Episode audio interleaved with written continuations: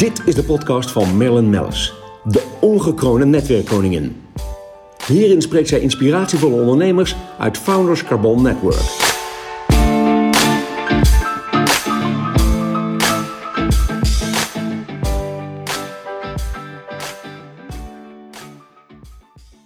Vandaag de gast Jan Hak. Welkom Jan. Ehm, je bent natuurlijk een van mijn, nou mag ik wel zeggen, meest dierbare FCN-leden. Vanaf de start van de FCN, dik negen jaar geleden, uh, heb ik jou tot, uh, tot uh, mijn leden mogen rekenen. Um, Jan, ja, er zijn eigenlijk zoveel dingen waar ik over wil praten. En het is natuurlijk een hele korte podcast. Dus um, ik zat te denken, maar meteen van start te gaan met de vraag. Um, er zijn op dit moment zoveel transities gaan. Hè? We hadden het net over de personele sfeer even in het voorgesprek. en de families, ondernemingen. wat kun je ons daarover vertellen? Nou, ten eerste dat ik uh, hartstikke blij ben dat jij mij de eer geeft om hier in jouw podcast uh, aanwezig te mogen zijn en iets te mogen vertellen.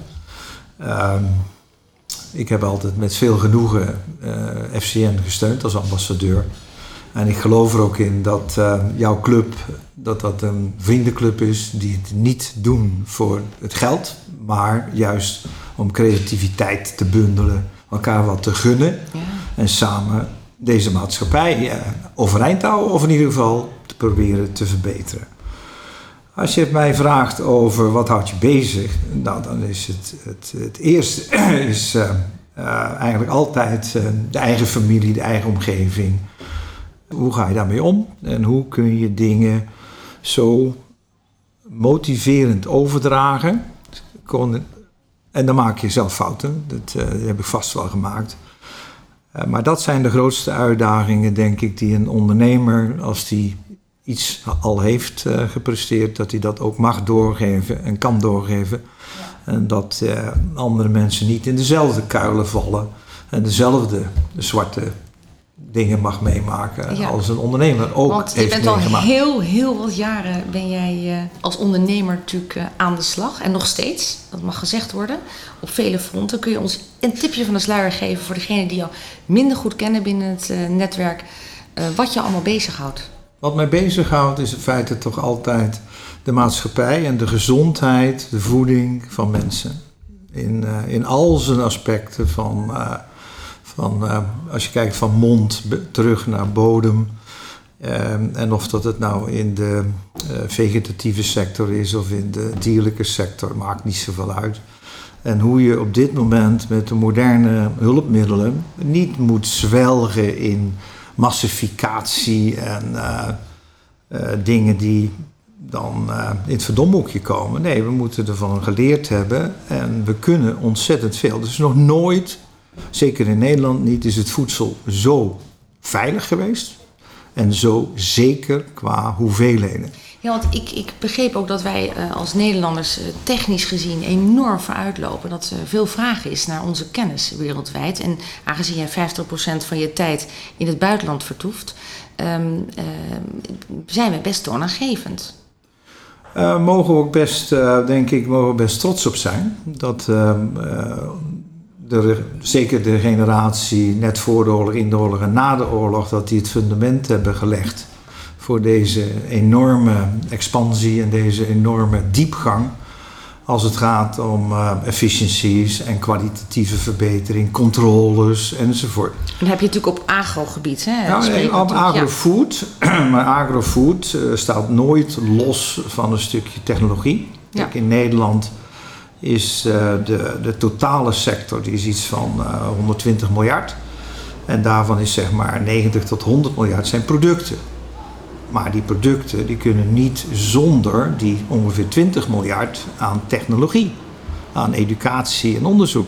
Wij zijn in die sector, die 12 eh, tot 15 procent van ons uh, nationaal inkomen is, is de, de technologie die we opgebouwd hebben net zo belangrijk als toegevoegde waarde aan al die producten. En ja, daar kun je eigenlijk niet tegen zijn. Je moet zorgen dat je in die pluriformiteit van familiebedrijven en specialisatie, dat je de mix vindt in de metropolitane omgeving, nou niet van die 15 miljoen Nederlanders, nee, 40 miljoen van de Rijndelta in Noord-Europa. Hoe zijn wij exemplarisch voor andere delta's in de wereld. Maar niet altijd gelijk denken aan Bangladesh of de Pearl River Delta. Nee, jij zit op alle continenten.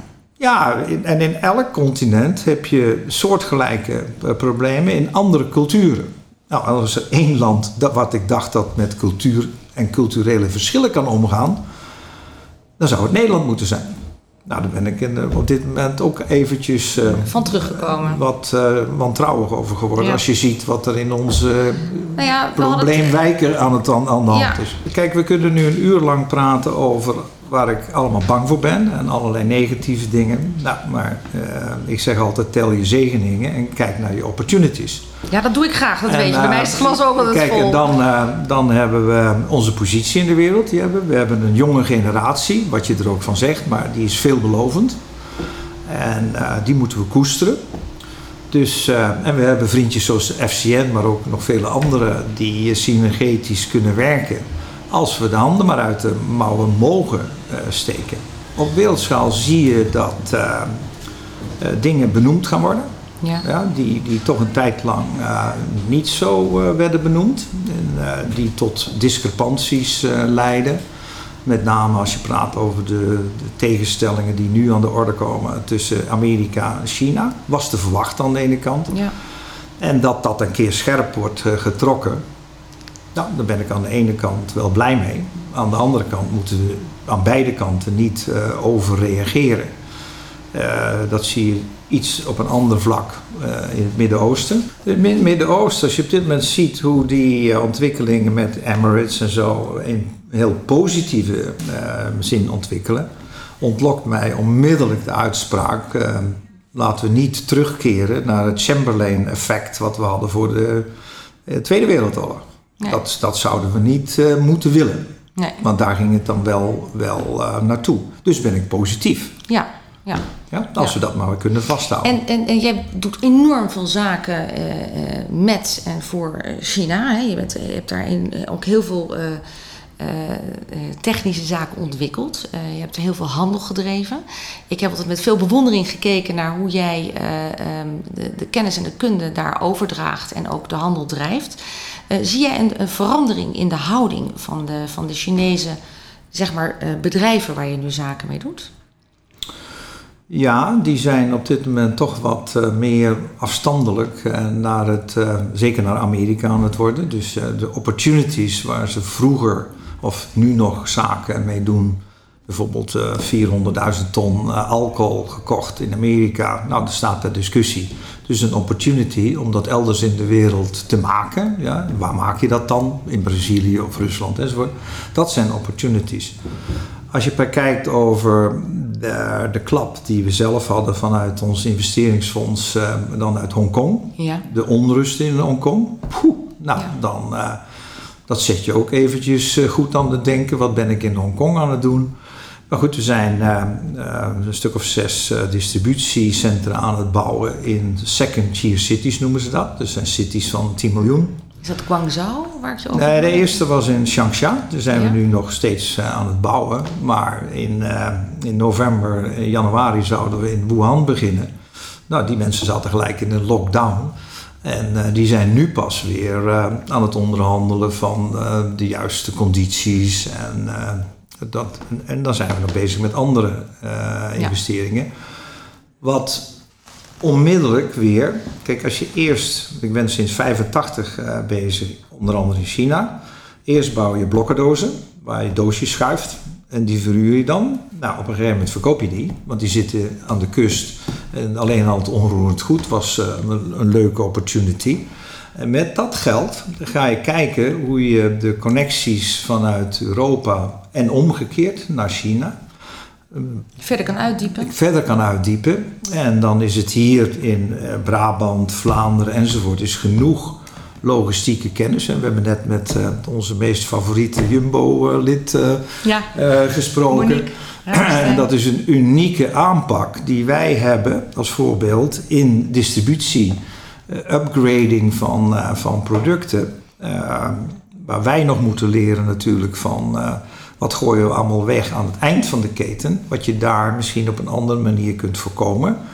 Maar ze, ze drinken de kennis van Nederland in het beheersen van ketens. Ja, Dus je kunt die mensen daar helpen. En, Ja, en dan kun je ook nog een centje, centje verdienen. Precies. En we zijn begonnen vier, vijf jaar geleden vanuit Nederland met de, de route eh, per treinen. Dus eh, en dan kun je in plaats van een container met eh, van 30 tot 40 dagen over zee.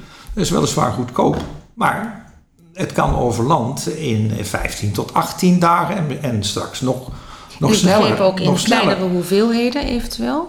Ja, maar er gaan al duizenden containers op Ja. dit moment eh, eh, vanuit Nederland enzovoort die route. En dat is toch een prestatie van ondernemers uit Nederland samen met partijen in China. Nou goed, daar ben jij, weten we, een enorme spul in, inderdaad. Ja, en dat, eh, dat geeft onmiddellijk, als Poetin nou ook wat mee wil werken, geeft hij onmiddellijk langs die hele lijn. Ja, Kazachstan zie je opbloeien vanuit Nederlandse met, eh, met allerlei producties.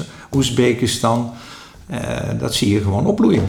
Daar moeten we de tijd voor krijgen. En ja, daar hebben we een beetje last op dit moment van politieke schermutselingen. Ja, ook niet, niet alleen in het buitenland, maar ook in het binnenland, eh, inderdaad. Ja, een ander eh, voorbeeld. Ik kom net terug eh, en dan moet je officieel moet je vier, 14 dagen in, eh, in een soort eh, lockdown, zeggen ze dan. Ja, maar ja, als, als, ik dan, als ik dan zeg van ik heb een schermpje en ik heb een mondkapje en ik ben positief, eh, sorry, negatief, Negatief getest, eh, toen ik begon met eh, Qatar Air. Ja, ik doe met eh, alles in mijn organisatie, ik vlieg business class, wat ik nooit doe. Eh, ik zit met 5% belasting in business class, dus hoe, waar haal ik eventuele besmetting vandaan? Ik, bij mijn klant thuis overnacht ik. Nou goed, ik ben een keer inderdaad in Carrefour geweest, maar met een hele kring om me heen die minstens twee meter om me heen eh, garandeerde. Om te kijken naar de Dus markt. je houdt je aan en dan kom ik terug en uiteraard ben ik weer negatief getest. En hier zou ik dan 14, 14 dagen. dagen niet op mijn kantoor mogen komen. Dat zijn zo van die kleine dagelijkse perikelen waarvan ik zeg, waar zijn Waar, we? waar, waar ook, zijn we? waar, ook, waar zijn we mee bezig? Waar ook op dit moment ieder ondernemer ook echt mee worstelt. Hè? Ja, waar je bent, last van bent gezond, je, maar daar heb je Je last bent van. gezond, Ja, ja. je neemt je echte verantwoordelijkheden. Ja. Ja, En ik denk dat Zweden daarin een fantastisch voorbeeld is. Men neemt zijn verantwoordelijkheid daar en eh, men kan erop bouwen. En de regering zegt: wij komen nooit in een lockdown. We zullen hem niet instellen. Met als gevolg dat ook de economie daar heerlijk kan opbloeien. Ja. En het, eh, men het heel serieus neemt. Nou, kijk naar Wuhan op dit moment. Striving economy. Kijk. ja, Absoluut. Die zijn in lockdown geweest, hebben het goed gedaan en op dit moment geen probleem. Geen probleem. Geen probleem. En ehm, ja, de, de meningen zijn verdeeld over een second wave, een third wave en hoe ze het ook willen noemen. Ehm, ik denk dan ook, kijk om je heen, naar de andere landen, eh, hoe het gaat. Ehm, ik heb een privé mening over dit hele pandemie gebeuren. Wij, ik, ik En, denk dat eh, ik hem ik eh, zou- grotendeels deel ik met zou, eh, ik zou eh, een oproep willen doen. Eh, jongens, stop met overdrijven. Wees Ja. klaar voor een echte pandemie. en want die gebruik komt- je verstand. Die komt ook nog een keer. En als we nu ons eh, kruid op deze manier verschieten door eh, ondernemers te boycotten of te traineren en niet de vrijheid te, te geven om echt weer Zaken te doen. uit de opportunities die er nu zijn eh, nieuwe dingen op te bouwen en zaken te doen, ja, dan ga je naar een, een gecontroleerde, bureaucratische, stervende toestand. Ja. En dan gaan wij in de wereld niet meer zo belangrijk zijn als wij hoopten en wat we kunnen zijn. Kunnen zijn. Want Ja. geloof me, Brabantse economie bijvoorbeeld 2,3 eh, miljoen mensen, gaat misschien naar 3 miljoen mensen. We zijn 50%, niet alleen Jumbo hoor, er zitten er nog veel meer. 50% van de economie van Brabant is afhankelijk van de hele agrofoodketen. Ja. ja. Nou, als, we daaraan gaan tornen om ideologische principes. Ja, op een gegeven moment, waar, waar is het eh, einde? ja, en wie gaat wie vertellen als het fout is? Hè? Wie Ja. gaat wie vertellen? Zoals met de biomassa. Ja. Wie gaat wie vertellen dat we zoveel miljard ver- verknald hebben? ja, met het hele CO2-verhaal. Jan, ik denk dat dat een volgende podcast moet Goed worden. zo. Ja, daar dan, heb gaan ik we, zin dan gaan we kijken Dus hoe, gaan hoe we het kijken, staat met de Dan gaan we kijken CO2-uitstoot. hoeveel elektriciteitscentrales op kolen in China nog gebouwd worden. Dat zijn er meer dan 400. In India waarschijnlijk nog meer. Idem over het aantal vliegvelden. En wij, Stoppen. wij maken ons druk over iemand die zijn open haard aansteekt.